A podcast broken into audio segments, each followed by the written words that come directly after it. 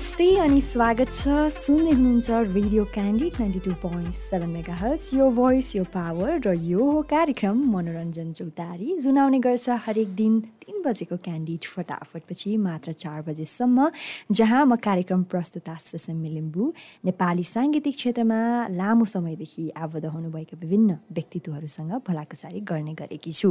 जुन भलाकुसारीलाई तपाईँले विभिन्न माध्यमबाट सुनेर साथ दिन सक्नुहुनेछ हाम्रो official website W W W dot radio Candid dot com dot NP हाम्रो फेसबुक पेज त्यसै गरी पडकास्ट हाम्रो पात्रो र रेडियो क्यान्डिडको अफिसियल एप मार्फत पनि सुन्न सक्नुहुनेछ। सधैँ चाहिँ आज पनि यस श्रृङ्खलामा नेपाली साङ्गीतिक क्षेत्रमा निरन्तर रूपमा आफ्नो गायन त्यसै गरी सङ्गीत र संयोजन मार्फत दर्शक श्रोताहरूलाई विभिन्न गीत सङ्गीतहरू समर्पित गर्दै पस्किँदै आउनुभएका एक कुशल गायक आज हामी माझ साङ्गीतिक गफकाफ गर्न उपस्थित भइसक्नु भएको छ। उहाँका विभिन्न गीतहरू जस्तै तिम्रै कारण उसको नजरमा म मरे भने त यो सहरको डेरामा हारले निखार ल्याउँछ मेरो जिन्दगी जस्ता गीतमा आफ्नो आवाज त्यसै गरी आफ्नै सङ्गीत र आफ्नै संयोजन रहेको अन्य धेरै गीतहरू सार्वजनिक भइसकेका छन्। हजुर आज हामी माझ हुनुहुन्छ बाबुल गिरी। बाबुलजीसँग गरिएका साङ्गीतिक गफकाफ तपाईँले अबको चार बजीसम्म सुनेर साथ दिनुहुन्छ भने आशा गरेकी छु। मैले ढिला नगरिकन बाबुलजीलाई कार्यक्रम मनोरञ्जन चौतारीमा स्वागत गर्न चाहे। बाबुलजी धेरै धेरै स्वागत छ। नमस्कार। सर्वप्रथम मलाई आजको अन्तर्क्रियाको लागि सम्झिनु हुने निकै प्रिय मिस आदरणीय मिस सिसेमी लिम्बूलाई हृदयदेखि नै धन्यवाद दिन चाहन्छु। रेडियो क्यान्डिड परिवारलाई छुट्याउनै मिल्दैन मैले। मनैदेखि धेरै आभार प्रकट गर्न चाहन्छु। अगाडि प्रविधिमा बसिरहनु भएको छ हाम्रो आवाजलाई कन्ट्रोल गरिरहनु भएको छ उहाँले। सृजना भुजेल उहाँलाई त हामीले झन् दुवैजनाको तर्फबाट मैले यहाँबाट धेरै आभार प्रकट गरेको छु। नमिठो बोल्यो भने पनि काटिदिनुहुन्छ उहाँले अनि चर्को भयो भने ब्यालेन्स गर्नुहुन्छ। अनि रेडियो क्यान्डिड सुन्ने दर्शकलाई त झन् हामीले छुट्याउनै मिल्दैन। हाम्रो भगवान् भनेकै हजुरहरू हो। रेडियो चल्ने पनि हजुरहरूले गर्दाखेरि हो पछि आगो फायर भएर सुपर हिट हुने पनि हजुरहरूले हो। त्यही भएर धेरै सुनिदिनुहोस् धेरै माया गरिदिनुहोस् से समय लिम्बूको आवाजलाई दुनियाँ भनी प्रचार गरिदिनुहोस् सबैले मन पराइदिनुहोस् मलाई त माया गर्नुहोस् भन्नु पर्दैन हजुरहरूले आफै गर्नुहुन्छ। हृदयदेखि यही भन्न चाहन्छु।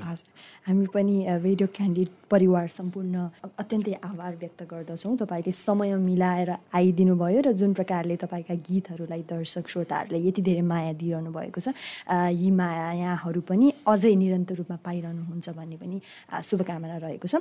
र पक्कै पनि भनिरहँदाखेरि अत्यन्तै व्यस्त हुनुहुन्छ तपाईँ। फोन उठाउन पनि त्यसै गरी कुराहरू गर्न पनि अत्यन्तै तपाईँको टाइम लिनुपर्ने अवस्थामा चाहिँ आफूले आफ्नो टाइम चाहिँ कतिको म्यानेज गरिरहनु भएको छ त? मेरो टाइम त समय त म्यानेज त भइरहेछ हजुरले बोलाउनु भयो आएँ। कति काम दिइरहनुहुन्छ त्यो काम पनि गरिरहेकै हुन्छु। अनि घर जान्छु खाना बनाउँछु खान्छु होइन? अनि मेरो टाइम त एकदम भरपुर एकदम सेड्युलमा गइरहेको छ। पक्कै पनि। अत्यन्तै सेड्युलमा गइरहेको छ। हामी त्यो देखि पनि रहेका छौँ होइन? र कामहरू पनि भइरहेका छन्। हजुर तपाईँको कामहरू देख्दाखेरि पनि आगामी दिनहरूमा पनि योजनाहरू छन् होला धेरै नै। सुरु गर्ने बेलामा अथवा यो कुरकानीलाई सुरुवात गर्ने क्रममा चाहिँ मैले तपाईँको यात्राबाटै सुरु गर्न चाहेँ। जस्तै हाम्रो अफेयर कुरा हुँदाखेरि तपाईँको फर्स्ट रेकर्डिङको कुरा पनि गऱ्यौँ थोरै है। जुन चाहिँ सार्वजनिक हुन सकेको छैन भनेर भन्नुभयो। एक्चुली त्यो बेला त्यो समयदेखि सुरुवात गरौँ न त। मेरो पहिलो रेकर्डिङ चाहिँ म त्यति बेला प्लस टूमा पढ्थेँ होइन गाउँमा। अनि गाउँमा पनि म जहिले पनि स्कुल जाँदा घर आउँदा पनि गीत गाएर हिँड्थेँ नि त बाटोमा। अनि साह्रै रहर थियो काठमाडौँ आयो। अनि काठमाडौँ आएर अलिकति हेल्पर ज्यामी काम गरियो दुई चार वर्षै। अनि त्यो बिचमा अनि सङ्गीत सिक्न भनेर सङ्गीत शिला पाठशालामा गइयो। सङ्गीतकार दिपक पाठक गुरु जो उहाँसँग मैले चार पाँच महिना सङ्गीत पनि सिकेँ। अनि उहाँकै सङ्गीतमा एउटा गीत गाउने अवसर मिलेको थियो। गुरु दिपक पाठकलाई मैले यहीँबाट हृदयदेखि धन्यवाद दिन चाहेँ। यहाँबाट धेरै सम्झेको छु गुरुजी। त्यसपछि अरू बाँकी बोल्दै जाउँ। रहरबाट सुरु भएको गायन क्षेत्र अहिले व्यावसायिक रूपमै पनि निरन्तर रूपमा हुनुहुन्छ। त्यो रेकर्ड त त्यतिकै रहरको रहरमै भयो। त्यो फाइनल पनि भयो कि भएन त्यो पनि थाहा छैन मलाई। गाउन चाहिँ गाएँ मैले। अनि त्यसपछि काठमाडौँ बस्न सकिएन। अनि फेरि गाउँमै गएर ब्याचलर जोइन गरेर ब्याचलर पढ्यो। अनि त्यसपछि दुई हजार अडसट्ठी साल काठमाडौँ आयो। फेरि आयो। अब चाहिँ जसरी भए पनि सङ्गीतमै लाग्छु भनेर आयो।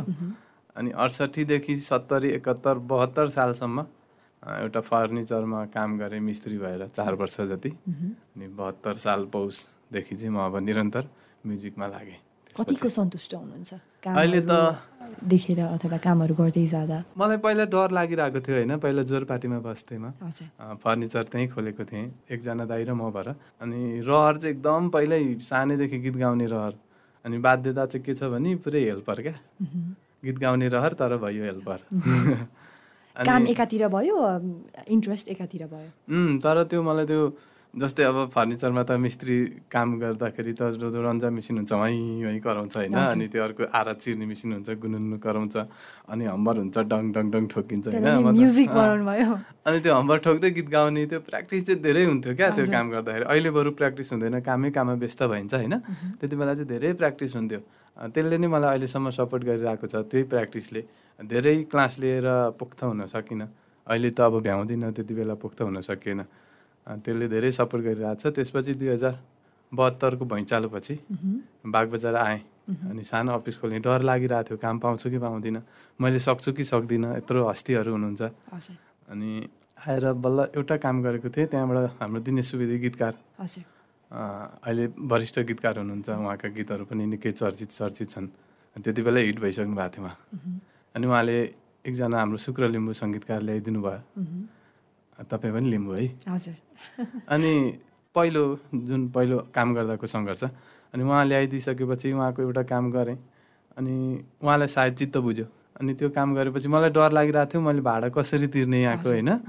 अनि त्यहाँबाट त्यो काम गरिसकेपछि उहाँले लगातार मलाई दुई तिन महिनासम्म कम्तीमा पनि असीवटा नब्बेवटा गीत दिनुभयो क्या। मेरो भगवान हो उहाँहरू। दिनेश सुवेदी दाई सुकर लिम्बू गुरुहरू। हुन त मेहनत त आफूले गरेको। उहाँहरूले गर्दाखेरि अनि म एकदम अहिलेसम्म टिकिरहेको छु त्यो कारणले गर्दाखेरि। अनि काम राम्रो त आफूले गर्नुपर्छ होइन? अनि त्यसरी अहिले चाहिँ निरन्तर एकदम खुसी छु। खुसी हुनुहुन्छ। कामहरू ब्याक टु ब्याक आइरहेको छ र प्लस तपाईँको कामबाट पनि यो प्रुभ भइसकेको छ कि तपाईँ पनि कति स्तरीय कामहरू गर्नुहुन्छ भनेर। त्यो त बाँकी नै छ। बाँकी नै छ। त्यस्तो लाग्दैन। त्यो हजुरहरूले सुन्दाखेरि चाहिँ मान्छेलाई यस्तो हुन्छ कलाकार फिल्डमा बसेका मान्छेहरू कतिजना भोकै बसिरहनु भएको छ अहिले पनि सबैले काम पाउने अवस्था पनि छैन चाहे त्यो कलाकार गायक सङ्गीतकार गीतकारदेखि ल्याएर मोडल हुनुहुन्छ जुन एक्टर। कलाकारिता। क्षेत्रमा संलग्न हुने सम्पूर्ण सम्पूर्णमा थोरैले मात्र आफ्नो पेट पालेको छन् यो। म्युजिकमा लागेर मोडलिङमा लागेर पेट पाल्ने मध्येमा चाहिँ म पनि पर्न सकेको छु। त्यही खुसी छ। तर पक्कै पनि तपाईँले भन्नुभएको जस्तै अलि सङ्घर्ष अथवा अलिक गाह्रो हुन्छ भन्छौँ।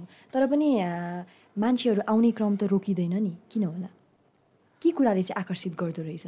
मान्छे त जहाँ गाह्रो छ त्यहीँ रोकिँदैन क्या। नत्र गायकहरू उहाँ हाम्रो राजु लामा दाई सगरमाथा चढ्न किन जानुहुन्थ्यो त? त्यो सजिलो थिएन क्या। जब गाह्रो हुन्छ अनि त्यहीँ मान्छे कुद्ने हो क्या। तपाईँलाई पनि त्यस्तै भएको हो त? त्यस मलाई मात्र होइन सबैलाई त्यस्तै हुन्छ क्या। केही पाउन त दुःख गर्नै पर्छ। सजिलो त घरमै बसेर काम गर्न सजिलो हुन्छ। मान्छेलाई अहिले त काठमाडौँ जाने ट्रेन हुन्छ। गाउँमा गए मान्छे भेटिँदैन। गाउँघर शून्य छ अहिले। कोही मऱ्यो भने मलामी पाउन गाह्रो भइसक्यो। अनि त्यस्तो अवस्था छ। मान्छे गाह्रो खोज्दै सजिलो बन्दै हुन्छ। त्यो जीवन भनेकै। त्यसकै एउटा प्रोसेस नै हो। गाह्रो भएपछि सजिलो आउँछ सजिलो भएपछि फेरि गाह्रो आउँछ। जस्तै अब तपाईँले जुन प्रकारले प्लस टूको लागि तपाईँ प्लस टू सकेपछि काठमाडौँ प्रवेश गर्नुभयो भन्नुभयो होइन? त्यसपछि सङ्गीतलाई सुरुवात गर्ने निधो पनि गर्नुभयो तर नसकेर फेरि गाउँमै फर्किनु भयो। यो यो समयको अन्तरालमा चाहिँ अथवा अहिले पनि परिवारबाट चाहिँ कतिको साथ हुन्थ्यो त? एक त मेरो परिवार त्यस्तो धनी परिवार होइन होइन? पहिल्यै हामी म खास इन्डियामा जन्मेको आसाममा। अनि बाबा उता इन्डियन आर्मी हुनुहुन्थ्यो। अनि त्यसमाथि बाबालाई बिचमा टिभी लाग्यो टिभी रोग। त्यसबाट आर्मी पनि छुट्यो। अनि उहाँबाट हामी नेपाल आयौँ। अनि नेपाल आउँदा हामी एकदम गरिब। गाउँलेहरूले पनि त्यति साह्रो अब इन्डियाबाट आएको धोतीहरू आयो भन्नुहुन्थ्यो क्या। अनि त्यहाँ त्यस्तो अब खाद्यान्नहरू पनि त्यति हुँदैन थियो नि त। अनि निकै दुःख गरेर हुर्क्यौँ हामी सानोमा। अनि सपोर्ट भन्ने त त्यस्तै हो। खाना बस्नै गाह्रो थियो। पक्कै पनि। आर्थिक सपोर्ट नभए पनि इमोसनल्ली भनौँ मेन्टली भनौँ किनभने जुन प्रकारले सङ्गीतमा लागेर एउटा आम्दानीको स्रोत त्यति बलियो छैन भन्ने मानसिकता रहिरहँदाखेरि बुवा मम्मीहरूले चाहिँ के भन्नुहुन्थ्यो? म त कान्छु होइन। अनि त्यहाँबाट पढ्दै जाँदाखेरि अब दाई दिदी बाहिर आउनुभयो। हजुर। अब दिदी यता काठमाडौँ आउनुभयो दाईले अब पुलिसमा जागिर खानुभयो सशस्त्रमा। अलि उहाँहरूको जति गाह्रो भएन मलाई। अनि म पनि काठमाडौँ आएँ। बाबाले त भन्नुहुन्थ्यो त मादल बजाएर बस्छस् यहाँ गाउँमा। म पुरै त्यो पानी लिन जान्थेँ कुवामा। अनि गाग्री ठटाउँदै गीत गाउँदै जान्थेँ क्या। अनि बाबाले त रत्न पार्कमा गएर मादल बजाएर बस पैसा पनि कमाउँछस्। गाग्री तैँले पाल पार्ने भइस् भन्नुहुन्थ्यो क्या। अ, तैपनि सपोर्टै भनौँ न। त्यो पनि बाबाले रत्न पार्कमा गएर बस भन्नुभयो अहिले म रत्न पार्क छेउमै छु बाघ बजार बाबाको इच्छा पनि पुरा भयो। सायद त्यो पनि अलिकति एउटा तपाईँलाई काठमाडौँ जा भन्ने एउटा सङ्केत पो दिएको हो कि? छोरा बिग्रिने भयो पैसा कमाउने भन भनेर होला क्या। पनि। अब यही हाँसी मजाककै बिचमा एउटा तपाईँको आफ्नै रोजाइमा गीत गुनगुनाएर सुन्नुहोस् न। अहिले भर्खर आएको छ मेरो आफ्नै सङ्गीत अनि एरेन्जमा रहेको गीत। जुन रचना प्रताप दासले गाउनु भएको छ। यो गीत कम्पोज गर्ने क्रममा जब तपाईँलाई शब्दहरू दिइन्छ अथवा त्यो एउटा यस्तो किसिमको बनाइदिनुहोस् है सृजना गरिदिनुहोस् भन्ने जुन क्वेरिजहरू आइरहँदाखेरि सबैभन्दा सुरुमा रियाक्सन के हुन्छ तपाईँको? कसरी त्यो काम गर्ने प्रोसेस कस्तो छ तपाईँको? खै मेरो त यस्तो प्रोसेस भन्ने नै छैन। शब्दहरू पठाइदिनुहुन्छ अनि यसो सर हेर्छु। अनि त्यो भनेपछि अन द स्पट आइहाल्छ सृजना। समय लाग्छ? मलाई त्यस्तै एक घन्टा डेढ घन्टा जति लाग्छ कम्पोज गर्न। कुनै कुनैमा चाहिँ फिल आउँदैन कहिले काहीँ नत्र मेरो कम्पोज गर्ने समय भने त्यही बढीमा एक घन्टा। बढीमा एक घन्टा। हजुर। अहिलेसम्म गरिएका सम्पूर्ण गीतहरू त्यस्तै लगभग एक घन्टाकै बिचमा नै भइरहेछन्। कोही कोही त अझ शब्दहरूको फ्रेम मिलेर पठाएको छ भने त पन्ध्र मिनटमा एकैचोटि हुन्छ क्या। सर र गाउन खोज्यो एकैचोटि भइदिइहाल्छ। तपाईँसँग काम गर्न सजिलो भएर पनि होला ब्याक टु ब्याक कामहरू आइरहेको। के लाग्छ तपाईँलाई? काम गर्न सजिलो भन्दा पनि अब यसले ठिकै गर्छ भन्ने अब भइरह भने त्यस्तो होला अरेन्जमेन्टदेखि लिएर कम्पोजिसन पनि आफै गर्नुहुन्छ होइन? तपाईँको आवाज पनि दिनुहुन्छ। यो सम्पूर्ण कुरामा सम्पूर्ण विधामा काम गरिरहँदाखेरि चुनौती चाहिँ कस्तो किसिमको रहन्छ? चुनौती त धेरै गाह्रो हुन्छ नि। हजुर। अब कति सबैजना यो म्युजिक फिल्डमा लागेको प्रायः जति जम्मै गायक बन्छु भनेर आउनु भएको छ क्या। त्यो स्टुडियोमा रेकर्डिङदेखि ल्याएर मिक्सिङ गर्नेदेखि ल्याएर होइन? अनि स्टुडियोमा त्यो एकाउन्टेन्ट पनि राख्नु भएको हुन्छ नि कतिजनाले। उहाँहरू पनि खासैमा चाहिँ म सिङ्गर बन्छु भनेर आउनु भएको हुन्छ। मैले याद गरेको कुरा। तर गाह्रो छ सिङ्गर बन्न गाह्रो छ कलाकार बन्न गाह्रै छ। अनि बाध्यताले कोही मिक्सिङ गर्न थाल्नुहुन्छ कोही रेकर्डिस्ट बन्नुहुन्छ कोही त्यहीँको अफिसियल त्यो प्राविधिक यताउति एकाउन्ट हेर्ने हुनुहुन्छ। अनि चुनौती त धेरै छ आफूले गरेको काम अब कम्पिटिसन छ। अनि जसले राम्रो गर्छ त्यहीसँग जाने हो मान्छेहरू। अब मैले गरेको काम बाहिर निक्लिन्छ अनि ठिकै छ यतिका त सबैले गर्छन् भन्यो भने त मलाई अर्को काम आउँदैन। अनि अर्को भन्दा केही छ है यसले गरेको राम्रो हुन्छ भन्यो भने नआउने हो। अनि चुनौती त सबैमा हुन्छ यसमा पनि त्यत्तिकै छ। तपाईँको पनि बाध्यता थियो कि रहरबाटै उब्जिएको यो कम्पोजिसनतिर अरेन्जमेन्टतिर मेरो त रहरै हो पहिल्यैदेखि। गायक बन्ने रहर। अनि गायक बन्ने रहर अनि आफैलाई मेलोडी फुट्थ्यो क्या। अनि सङ्गीतकार बनिँदैन थियो होला आफैलाई मेलोडी फुट्थ्यो अ, भनेको कुनै शब्द पाएपछि त्यसलाई यसो गुनगुनाउँदै। कम्पोज कसरी गर्छन् एरेन्ज कसरी गर्छन् त्यो त मलाई थाहा थिएन। पछि आएर त्यही गीत रेकर्डिङ गर्ने काम काम गर्दाखेरि चाहिँ यस्तै रहेछ कम्पोज भने चाहिँ भन्ने हुन फिल हुन थाल्यो। अनि एउटा एल्बम गरियो त्यसबाट एरेन्ज पनि सिकियो त्यो गर्दा गर्दै देखेर। अनि एरेन्ज कोर्स चाहिँ लिइनँ मैले। त्यो आफ्नै एउटा एल्बम गर्दाखेरि अनि एरेन्जरहरूले गर्नुहुन्थ्यो। अनि यसरी गर्ने रहेछ भनेर मैले पनि कम्प्युटर किनेर दिदीसँग पैसा मागेर कम्प्युटर किनेको पैँतिस हजारमा कि? आफूसँग पैसा हुन्थेन नि त। अनि त्यति बेला फर्निचर मिस्त्री नै थिएँ म। अनि दाईसँग दस हजार मागेँ। अनि दिदीले अलिकति हालिदिनु भयो। अनि पैँतिस हजारमा कम्प्युटर किनेँ होइन। अनि एउटा साउन्ड कार्ड किनेँ। अनि पहिला त आउँदैन थियो धेरै कम्प्युटर बिग्रिराख्ने क्या। अनि आफ्नो रहरले नै सिकेको। रहरले। आज व्यावसायिक जीवनमा पनि अत्यन्तै राम्रो मोड लिइरहेको छ। अहिले आनन्द छ मनमा पिर छैन। गर्न सक्छु भन्ने एउटा हौसला ऊर्जा सदाबहार रहिरहे रहन्छ भनौँ न एक हिसाबले। अब म बाँच्न सक्छु। सङ्गीत गरेर त्यो पनि। आफ्नो इच्छा अनुसार नै काम गरेर होइन? अब यो भनिरहँदाखेरि अरेन्जमेन्ट कम्पोजिसन भोकल यी सम्पूर्ण कुराहरू एउटा गीतमा चाहिने कुरा हो होइन? तर पनि सम्पूर्ण कुरा तपाईँले आफैले निहाल्दै काम गरिरहनु हुँदाखेरि चाहिँ गीत उत्कृष्ट बन्नमा अलिकति बलियो विधा चाहिँ कुन हो जस्तो लाग्छ तपाईँलाई? पहिला त कम्पोजिसन राम्रो हुनु पर्यो हजुर। शब्द त राम्रो हुन नै परिहाल्यो। अनि कम्पोजिसन गर्दाखेरि पनि मेलोडी निकाल्दा पनि कति शब्दलाई काटछाट गर्ने क्षमता चाहिँ हुनु पर्यो आफूमा अगाडिको पछाडि पछाडिको अगाडि। अनि कोही शब्द आफैमा राम्रो हुन्छ तैपनि त्यसमा केही अलिकति एउटा नयाँ शब्द थप्न सक्यो भने केही अझ मिठास हुन्छ कि? भन्ने हिसाबले। जस्तै हाम्रो यो स्त्री जातैले। मन बिगारो स्त्री जातैले हाम्रो डिआर गुरुले झन्डै दोस्रो सेकेन्ड हरफतिर हाल्नु भएको थियो। मैले ल्याएर अगाडि हाल्थेँ क्या। भनेको काटछाट अब त्यो पनि आफूमा हुनुपर्ने रहेछ। मान्छेलाई टची भयो नि त। अनि अलिकति अनि त्यसपछि कम्पोज त हुनै परिहाल्यो। अनि एरेन्जमेन्ट पनि दमदार हुनु पर्यो अनि गाउनेले त गाउनै परिहाल्यो सबै कुरा चाहिन्छ चाहिन्छ सबै बराबरै हुन्छ, हजुर। कतिको मार्केटको ट्रेन्डलाई कतिको फलो गर्नु भएको छ? बुझिनँ। म्युजिकमा जुन प्रकारको ट्रेन्ड चेन्ज भइरहने अहिले अवस्था छ नि जस्तै अलिकति कमर्सियल सङ्ग्स त्यसै गरी अलिकति फास्ट सङ्ग्स भनेर जुन एउटा विधामा अ, जोड दिनुभएको छ विभिन्न स- सृजना कर्मीहरूले अ, त्यसमा चाहिँ तपाईँले त्यो ट्रेन्ड अनुसार म्युजिक कम्पोजिसनको क्रममा फलो गर्नुहुन्छ कि गर्नुहुन्न? जस्तै मार्केटलाई टार्गेट गरेर भनौँ न। म त त्यो ट्रेनलाई फलो गर्दिनँ कहिले पनि। हजुर। शब्द कस्तो छ? त्यसलाई फलो गर्छु जहिले पनि।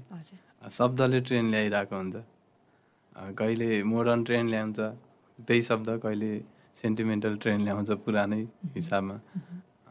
हामीले ट्रेन चेन्ज गर्छौँ भनेर गरिन्न आफै हुने हो यो कुरा। आफै हुन्छ है। हजुर। तर कहिले त्यस्तो प्रेसर बन्छ कि बन्दैन? जस्तै अब यो ट्रेन्ड फलो गरेन भने अलिकति दर्शकमा नपुग्ने हो कि?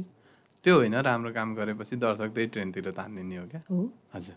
तर कति समय आफ्नो सिर्जनाहरू राम्रो भए तापनि ओझेलमा परिरहेका हुन्छन् नि? त्यो चाहिँ किन होला? ओजेलमा पर्छ सबै कुरा मिल्नुपर्छ। एउटा गीत सङ्गीत निक्लिँदा एउटा भिडियो निक्लिँदाखेरि प्रमोसनदेखि ल्याएर अडियो भिडियो सबै राम्रो हुनुपर्छ। प्रमोसन पनि त्यत्तिकै राम्रो हुनुपर्छ। अब सबै काम गर्दाखेरि सबै कुरा पुग्दैन। गीत राम्रो अडियो राम्रो भइदियो भने भिडियो भने जस्तो बन्दैन। लगानीको अभाव दुनियाँ दिवाना हुन्छ। अनि भिडियो पनि राम्रो बन्यो अडियो पनि राम्रो बन्यो।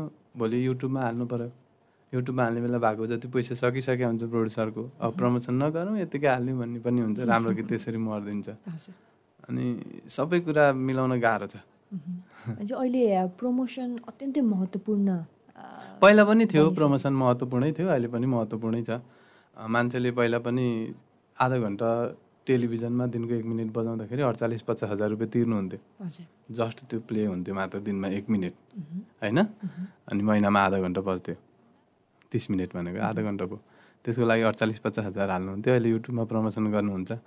पचास हजार डेढ लाख दुई लाख सक्नेले चार पाँच लाख नै गर्छ।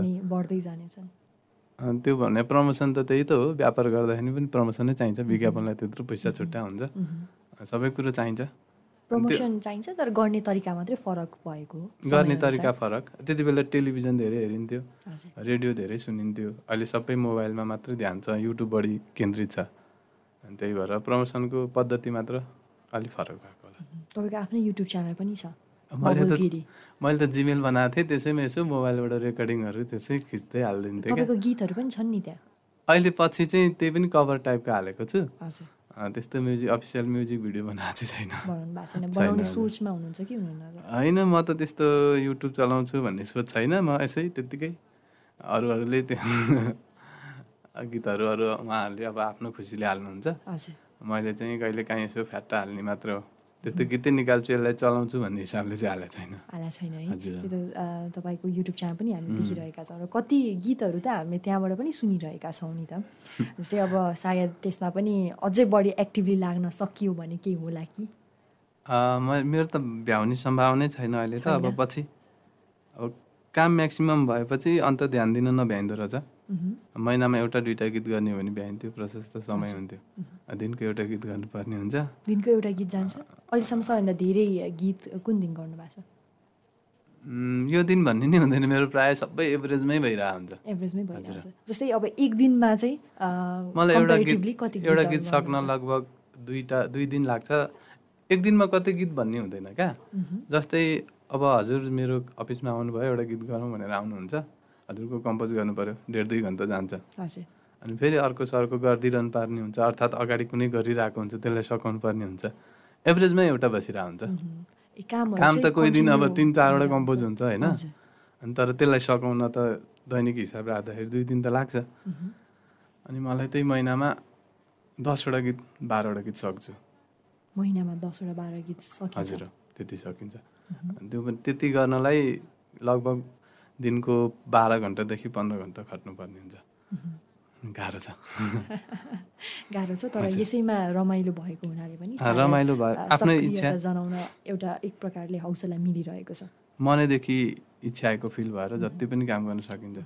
खाना खान भुलिन्छ तर काम गर्न भुलिन्न। यही त हो नि रमाइलो। हामीसँग आज कुराकानी गर्ने क्रममा उपस्थित हुनुहुन्छ अत्यन्तै कुशल सर्जक गायक त्यसै गरी सङ्गीतकार र संयोजक बाबुल गिरिजी। उहाँसँगको कुराकानी तपाईँले विभिन्न माध्यमबाट सुन्न सक्नुहुनेछ। हाम्रो official website W W W dot radio Candid dot com dot NP हाम्रो फेसबुक पेज पडकास्ट हाम्रो पात्रो र रेडियो क्यान्डिडको अफिसियल एप मार्फत पनि सुन्न सक्नुहुनेछ। सधैँ हामी कार्यक्रम मनोरञ्जन चौतारीमा नेपाली साङ्गीतिक क्षेत्रमा विभिन्न विधामा सक्रियता जनाउँदै आउनुभएका व्यक्तित्वहरूलाई निम्त्याएर उहाँहरूसँग गरिएका भलाकुसारी तपाईँमाझ प्रस्तुत गर्ने गरेका छौँ। जुन भलाकुसारीलाई तपाईँले विभिन्न माध्यमबाट सुन्न सक्नुहुनेछ हाम्रो official website W W W dot radio Candid dot com dot NP हाम्रो फेसबुक पेज पडकास्ट हाम्रो पात्रो त्यसै गरी रेडियो क्यान्डिडको अफिसियल एप मार्फत पनि सुन्न सक्नुहुनेछ। आजको यस श्रृङ्खलामा हामीसँग साङ्गीतिक गफगाफ गर्न उपस्थित हुनुभएको छ गायक सङ्गीतकार र संयोजक बाबुल गिरिजी उहाँका सङ्घर्षका कुरा सफलता भोगाइका कुरा हामी अबको एक घन्टाभित्र धेरैभन्दा धेरै निकाल्ने प्रयास गर्छौँ। बाबुलजीलाई मैले कार्यक्रममा स्वागत गर्न चाहे। धेरै स्वागत दर्शकवृन्दहरूलाई श्रोतावृन्दहरूलाई। अँ, मजाले सुनिदिनुहोस् है नसकुन्जेलसम्म। गीतहरूकै कुराकानी गर्ने क्रममा अहिलेसम्म सिर्जना गर्नुभएका गीतमध्येबाट सबैभन्दा बढी आत्मीय लागेको गीत कुन हो त? मलाई त सबै प्यारो लाग्छ यो भन्ने नै छैन। छैन। तर पनि एकदमै टच हुने कुनै होला नि? खै आज काम गर्दा आज यसले टच गरिरहेको हुन्छ भोलि अर्को गर्यो फेरि त्यसैले टच गर्छ। अर्को काम सुरु नभइन्जेलसम्म अघिल्लो कामले टच गरिरहन्छ। सबैले टच गर्छ यही भन्ने त्यस्तो चोइजेबल छैन। टच गरिसकेपछि नै काम गर्न पनि मन। लागेको हुनसक्छ तर यो भनिरहँदाखेरि दर्शक श्रोताहरूले चाहिँ कस्तो गीत रुचाउनुहुन्छ होला जस्तो लाग्छ तपाईँलाई? अथवा कस्तो? किसिमको गीतले टच गर्छ होला? सबैको आफ्आफ्नो फिलिङ्स हुन्छ। कसैलाई रोमान्टिक गीतले छुन्छ कसैलाई सेन्टिमेन्टलले छुन्छ। अँ, तर सबैलाई सबै गीतले छुन्छ सबैलाई सबै गीतै सबै गीतले छुन्छ खुसी भएको बेला रोमान्टिकले छुन्छ दुखी भएको बेला स्याड सङले छुन्छ हजुर। अँ, दर्शक सबैको मन हाम्रै जस्तो त हो नि? मह्म। तपाईँको नि मेरो जस्तै हो। अहिले हाँसेर बोल्नु भएको हुन्छ। अहिले कसैले केही भनिदियो भने मन दुखिहाल्छ। मह्म। अँ, रुनु पनि थाल्नुहुन्छ होइन? मह्म। अनि त्यस्तै सबैको मन एउटै हो। सबैलाई छुन्छ एउटैले। पक्कै पनि गीत सङ्गीत भनिसकेपछि हामीले आफ्नो भावना कस्तो किसिमबाट चाहिँ हामी गइरहेका छौँ त त्यही किसिमकै गीतहरू पनि हामी छान्दै सुन्ने गरेका पनि छौँ होइन? विशेष गरेर। अब यही भनिरहने क्रममा चाहिँ तपाईँका आगामी दिनहरूमा चाहिँ कस्तो शैलीको गीतहरूमा अलिक बढी प्रायोरिटाइज गर्ने सोचमा हुनुहुन्छ? मैले त अघि नै भनिसकेँ यस्तो शैली भन्ने नै हुँदैन। जस्तो आउँछ त्यस्तै आउँछ। त्यस्तै। अब शब्द कस्तो आउँछ? त्यो शब्दमा कस्तो कम्पोजिसन फुट्छ? अँ, गाउनेको कसको हातमा कसले गाउनुहुन्छ? उहाँको टोन कस्तो छ? उहाँको कस कस कुन चाहिँ श्रोता उहाँको बढी फ्यान हुनुहुन्छ त्यसमा पनि भर पर्छ। हामीले त मेलोडी फुर्ने काम गर्ने हो। श्रोताहरूले अब ट्रेन चेन्ज भएको भनौँ भने नारायण गोपाल गुरु नै हिट हुनुहुन्छ अहिलेसम्म। उहाँकै गीतलाई रिमेक गरेर गाइरहनु भएको हुन्छ होइन? रेशम फिरिरी नै हिँड्छ। ट्रेन मात्रै चेन्ज भएको हो गीत सङ्गीत चाहिँ चेन्ज भएको छैन। ट्रेन अनुसार फेरि चल्न पनि बाध्य हुनुहुन्छ होला नि त धेरै सर्जकहरू। ट्रेन अनुसार चलेको त हो नि। रेशम फिरिरी पहिला मादलमा बजाइन्थ्यो अहिले गिटारमा बजाइन्छ होइन? यो त जुन ट्रेनमा जाँदाखेरि पनि माया पिरतीको बिछोडमा यही गीत बज्छ। चाहे उहाँले मादलमा बजाउनुहुन्छ चाहे गिटारमा बजाउनुहुन्छ ट्रेन हो त्यो क्या? मादल र गिटार चाहिँ ट्रेन ट्रेन भयो होइन। गीत सङ्गीत चाहिँ एउटै हो। तर पनि पछिल्लो समय आउने जुनै पनि नयाँ गीतहरू छन् त्यो अलिकति कालजयी गीतहरू बन्न सक्दैनन् भन्ने कतिले गुनासो पनि गर्नुहुन्छ नि। यस्तो हो अब पहिला धेरै थोरै गीत सङ्गीत हुन्थे अहिलेको जस्तोमा पहिला त गायक कलाकार बन्न नै धेरै गाह्रो थियो। हाम हाम्रै पालामा त गाह्रो थियो अहिले त सजिलो भएको छ। अलिकति मोबाइलले अलिकति छुस्स गाएर निकाल्यो भने ओहो यो बहिनीको सुर राम्रो छ यसलाई लिएर गीत गाउनु लाउँ। भेलु बाजे म गीत गायक बनिसक्नु भयो अहिले सजिलो छ नि त। स्वर पनि चाहिएन उहाँलाई त। मिठो पनि सुनेको छैन उहाँको। कलाकारसम्म ठिकै थियो। गायकै भनिदिनु भयो उहाँ। अनि पहिला त धेरै गाह्रो हुन्थ्यो होला। हामीले त त्यति भोगेका छैनौँ अझ अग्रजहरूले भोग्नु भएको होला। के भन्नु? गाह्रो छ। यो प्रविधिले गर्दा अथवा जुन प्रकारको यो अहिले हामी प्रविधि देखिरहेका छौँ त्यसले गर्दा लामो समयदेखि काम गरिरहनु भएको अथवा जो पनि अध्ययनपूर्वक एउटा आफ्नो अब्बलतापूर्वक अघि बढिरहनु भएको छ उहाँहरूलाई चाहिँ कतिको असर पारिरहेको छ? असर पारेको छैन।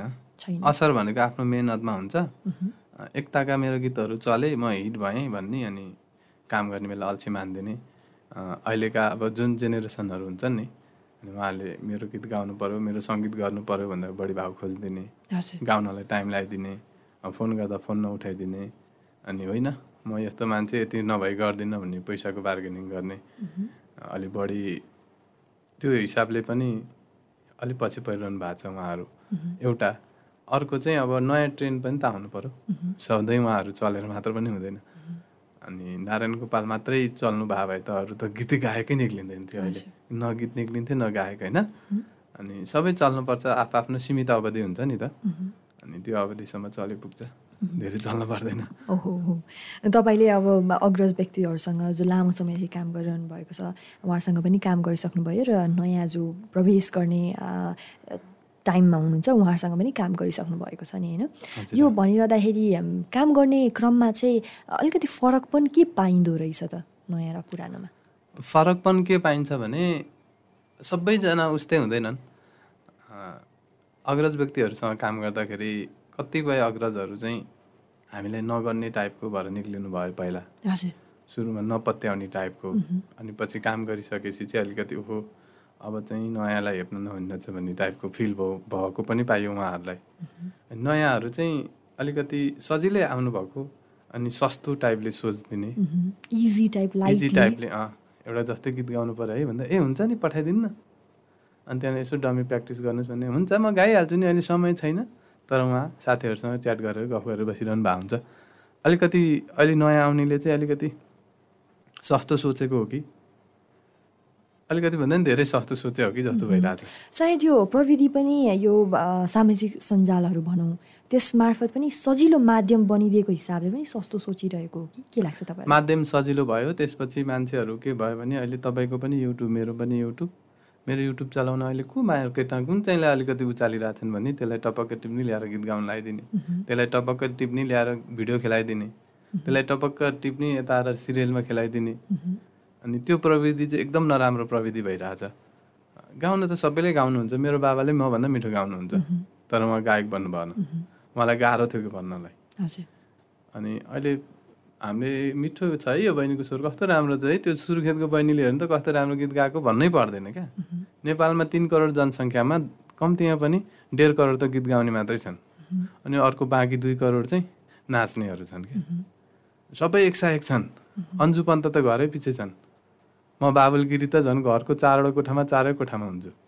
भन्नु खोजेको म जस्तो गाउने कम्पोज गर्ने। दुःख त हुनुपर्छ अनि मात्र भोग्छन् अनि बल्ल मात्र टिकिन्छ। दुःख गरेर आएको हो म पनि त्यही भएर अहिले टिकिरहेको छु। एउटा अध्ययनपूर्वक आयो भने राम्रो हुन्छ। यो भनिरहँदा एउटा सर्टेन बााउन्ड्री अथवा त्यो मापदण्ड राखिनुपर्छ जस्तो लाग्छ कि लाग्दैन? मापदण्ड राख्ने भन्दा पनि आफूले मापदण्ड पार गर्न सक्छु भन्ने मान्छेहरू चाहिँ आउनु पर्यो मापदण्ड राखेर त कहिले पनि हुँदैन। सीमामा गएर काँडे तार बाँध्दैमा उल्लो देश र पल्लो देशको मित्रता कायम हुँदैन क्या कहिले पनि होइन? अनि यो देशको यो काँडे तार चाहिँ उखालेर उतापट्टि फाल्न हुँदैन भन्ने चाहिँ मनमा भयो भने बल्ल मित्रता कायम हुन्छ। भनेको मापदण्ड राखे पनि म चाहिँ पार गर्न सक्छु मेरो मनले सक्छ। भनेपछि बल्ल आउने हो क्या यो फिल्डमा मापदण्ड राखेर त कहिले पनि कन्ट्रोल हुँदैन। त्यो आफूबाटै सुरु हुनु पर्यो। आफूले नै एक प्रकारको रियलाइजेसन भइसकेपछि अघि बढ्नु पर्यो। पर्यो। आफूले पनि यो क्षेत्रमा कस्तो किसिमको योगदान दिन सक्छु त? अब हजुर यस्तो मिठो बोल्नुहुन्छ र रेडियो आमाहरू बोल्नु भएको छ नि त होइन? अनि तपाईँ बोली चाहिँ नआउने अनि आफू भन्दाखेरि नि आफू गरिदिने अनि यस्तो टोन ल्याएर अनि म रेडियोमा बोल्छु भनेर भएन नि त। आफूलाई आफू गर्नै सक्छु। म चाहिँ उहाँ प्रस्तुताको भन्दा राम्रो गर्न सक्छु भन्ने हिम्मत आउनु पऱ्यो अनि यति मेहनत गर्छु भन्ने हुनु पऱ्यो अनि मैले तपाईँलाई राम्रो बोलेको छ राम्रो बोल्छौ तिमी जाऊ प्रस्तुता बन भन तपाईँ जानुहोस् प्रस्तुता बन्नुहोस् भने भएर आएर चाहिँ हुँदैन क्या। म सक्छु म बन्छु नै भन्यो भने चाहिँ। त्यो मापदण्ड चाहिँदैन। तपाईँलाई मापदण्डले छेक्दैन पनि। एउटा जब आफ्नो प्रतिभा यति राम्रो भए तापनि अथवा कम्पेरिटिभली भनौँ न एउटा प्रतिभाशाली व्यक्तित्व भए तापनि लोकप्रियता पाउन अलि समय लाग्छ नि। अथवा धेरै गाह्रो पनि हुन्छ कतिलाई भने कतिलाई सजिलैसँगले पनि हासिल गरिरहनु भएको हुन्छ। यो के को कमी कमजोरी अथवा के कुराले भरिपूर्ण भइसकेपछि हुन सक्ला? त्यो त म भन्नै सक्दिनँ। कस्तोलाई दर्शकले रुचाइदिनुहुन्छ कस्तोलाई रुचाउनुहुन्न भनेको दर्शकहरूको आफ्नै हातमा छ। हामी त काम गर्ने हो। काम गर्दै जाउँ। लोकप्रियता भन्न पाइनु पनि सकिन्छ यत्तिकै जिन्दगी जानु पनि सक्छ। गीत लिने क्रममा अथवा यो कुनै प्रोजेक्ट आउँदाखेरि एउटा काम आयो भन्ने हिसाबमा काम गर्ने हो कि क्वालिटी दिन सक्छु अथवा यो गीतमा चाहिँ क्वालिटी गीत निकाल्न सकिन्छ भन्ने विश्वास भइसकेपछि मात्रै चुज गर्नुहुन्छ। किनभने जुन तपाईँले भन्नुहुन्छ होइन कामहरू आइरहेको हुन्छ डिली हुन्छ एउटा अलिकति आर्थिक हिसाबलाई सोचेर गरिन्छ कि काम क्वालिटी दिन सकिन्छ भन्ने पनि आउँछ कहिलेकाहीँ शब्दहरू हेरिन्छ म चाहिँ प्राय बढी शब्दहरू पहिला आउँछ। अनि कतिले चाहिँ मेरो लागि गीत बनाइदिनुहोस् भन्ने हुन्छ। अनि शब्दहरू आउँदा चाहिँ पहिला शब्द हेर्छु। अनि सोध्छु उहाँहरूलाई सर यो शब्द राम्रो छ। यसलाई काटछाट गर्न मिल्छ कि मिल्दैन? भनेर। अनि होइन मिल्दैन। यस्तै बनाउनुहोस् भन्यो भने चाहिँ त्यसो भए फेरि अर्को पनि पठाउनुहोस् न दुई चारवटा भन्छु। अनि सबैलाई होइन कोही कोही कोही त आफैमा राम्रो भन्छ। अनि कोही चाहिँ हुन्छ तपाईँको मर्जीले सर भाव नभने गरी काटछाट गर्नुहोस् भन्नुहुन्छ। अनि त्यसलाई काटछाट गर्छु। अलिकति टाइम लाग्छ त्यसमा होइन। अनि राम्रै बनाउँछु सकभर राम्रै होस्। भनेर नै गर्छु काम चाहिँ। आफूले एउटा काम गरिसकेपछि आफ्नो संलग्नता भइसकेपछि काम राम्रो हुनुपर्छ। राम्रो हुनु पर्यो। आर्थिक त आइ नै हाल्छ नि। होइन? अलिकति अब विगतका दिनहरू पनि स्मरण गराउन चाहे हुन त अघि पनि हामीले गरिसकेका छौँ होइन? कुनै टाइम तपाईँ पनि रियालिटी सोमा जानुभएको थियो होइन? त्यो दिनहरूलाई अहिले पनि मैले यो कार्यक्रम मार्फत स्मरण गराउन चाहे। हुन त युट्युब्सहरूमा विभिन्न सामाजिक सञ्जालहरूमा त देखि नै रहेका थियौँ होइन? कस्तो लाग्छ अहिले सम्झँदा? खुसी लाग्छ। त्यही माध्यमले भयो नि दर्शक श्रोताले चिन्नुहुन्छ होइन? त्यो चाहिँ दुई हजार सत्तरी सालतिर। जति बेला म फर्निचर मिस्त्री थिएँ गाउँबाट भर्खर आएको थिएँ। त्यति बेला हो रेडियो नेपालमा भोइस टेस्ट पनि दिएको थिएँ तर त्यहाँ चाहिँ म पास भएको थिएँ त्यति बेला होइन? अलिकति त्यही हो सुरुमा लाग्ने बेला त्यो एसई एसई दिने पास गर्ने विद्यार्थीहरू गभर्मेन्ट हुन्छ नि। त्यति बेला उसले इन्जिनियर पास गरेहरूलाई पनि डिग्री पास गर्नेहरूलाई पनि गन्दैन क्या उसले। आफ्नै टिचरलाई पनि गन्दैन। म एसएलसी पास भइसक्यो अब अहिले। फर्स्ट डिभिजन आएको छ मेरो। अनि जब त्यो प्लस टू पुग्छ अलि निहुरिन्छ होइन। त्यो उसलाई अनि- भ्याल्यु इम्पोर्टेन्स थाहा हुँदै जान्छ। अनि ब्याचलर जोइन गर्नुहुन्छ अलि झुक्नुहुन्छ हो भाइ भन्नुहुन्छ हो दाइ अहो सर अनि जब उहाँले मास्टर गर्नुहुन्छ अनि त्यहाँ चाहिँ उहाँ नपढेको जस्तो हुनुहुन्छ क्या। भनेको त्यति झुक्नुहुन्छ। ममा ममा पनि त्यही घमण्ड थियो होला। त्यसैले अलिकति डिस्कस पनि पऱ्यो। श्रोताहरूले पनि राम्रैसँग चिन्नुभयो। तपाईँले तर त्यो सोमा जान जरुरी किन ठान्नु भयो त? जरुरी त हुन्छ नि। मान्छेलाई जसको मनमा पनि म यसमा जाउँ यसमा गएर यतिसम्म पुगौँ म जितौँ सबैले मलाई चिनोस् भन्ने एउटा आफ्नोपन हुन्छ। हजुर। हजुर यो प्रोग्राम चलाइरहनु भयो भने मलाई ससिमी लिम्बू भनेर सबैले चिनुन्। मेरो भोइस जताततै फैलियोस्। भन्ने आशा हो एउटा। मैले तपाईँको मनको कुरा भन्दै त्यो हो नै त्यो पनि तपाईँले ढाँटेर होइन भन्नु पनि पाउनुहुन्न त्यो हो नै। होइन? सबैमा हुन्छ त्यो। मैले भने अघि नै सबैको मन एउटै हो। त्यही आशमा गइयो त्यही हासिल गर्न सकिन्छ कि? अलिक बढी दर्शकहरूको माझ चिन्न सकिन्छ कि भन्ने हिसाबले नै तपाईँ जानुभयो। अलि चाँडो गइयो चाहिँ। यति बेला चाहिँ त्यो भइदियो भए सबैले त्यो बेलाको कुरा अब त्यति त्यति बेला युट्युब त्यति मिडिया जमाना थिएन। खालि टेलिभिजन मात्रै हुन्थ्यो। सबैको घरमा टेलिभिजन पनि हुँदैन थियो। हामी त लगभग लगभग अर्का घरमै टेलिभिजन हेर्न जान्थ्यौँ होला। होइन त्यति बेलासम्म पनि। अनि अहिलेको जस्तो भइदियो भने चाहिँ बढी लोकप्रियता पाइने रहेछ। अलिक चाँडो भएछ। तर पनि अब अहिले सम्झिँदा नयाँ प्रतिभाहरू यदि चाहनुहुन्छ भने रियालिटी सोजहरू अथवा त्यस्तो सोजहरूमा जान कतिको उपयुक्त होला त? जानुपर्छ। अब यत्रो रियालिटी सोहरू भइरहेको हुन्छ अब एउटा कुरो चाहिँ नकारात्मकै फैलिरहेछ भने खर्च गर्न किन जाने भन्ने कुरो हुन्छ। अब लगानी गर्नेले पनि तपाईँको लागि आफूले लगानी किन गर्छ र? होइन? आफ्नो खल्तीबाट पैसा निकालेर केही नाफा हुन्छ केही राम्रै हुन्छ प्रोग्राम पनि चलोस् उसको लागि पनि केही भनोस् उसले हजार रुपियाँ पाउँदा मैले बाह्र सय रुपियाँ किन नपाउने भनेर न गर्ने हो अनि म चाहिँ हजार रुपियाँ लगाउने आठ सय रुपियाँ कमाउने अनि भर्खर आउने मान्छे चाहिँ सित्तैमा उसले चाहिँ दुई हजार रुपियाँ कमाउने त हुँदैन नि त। होइन? लोकप्रियता पनि पाउनु छ भोलि पर्सि गएर अलिकति चल्यो भने काम पनि पाउनु छ सबैको नजरमा वाह पनि पाउने छ। त्यो प्रोग्राम राख्ने मान्छे त कहिले पनि वाह हुँदैन। को हो यो प्रो डाइरेक्टर को हो यो? जस्तै नेपाल आइडलको डाइरेक्टर को हो। होइन? अनि यो प्रोग्राम कसले गरेको?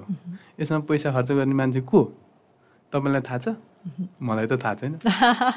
बिहाइन्ड द सिन काम गर्नुहुनेहरूको चाहिँ जानकारी हुँदैन अनि प्रोग्राम कसले। स्पोन्सर कसले गरेको? त्यो त थाहा छैन कसैले चिन्दैन। जित्ने को रवि वड बुद्ध लामा होइन? यता आएर अहिले हाम्रो तेस्रो जित्ने को पो थियो बिर्सेँ उहाँ चाहिँ। अहिले चौथो जित्ने उहाँ पनि बिर्सेँ मैले होइन? अनि जस्तै पहिलो त चिन्ने त उहाँहरूलाई हो नि त। अनि उहाँहरूलाई सित्तैमा लगेर पुरस्कार पनि दिने गाडी पनि दिने लोकप्रियता लोकप्रियता पनि दिने।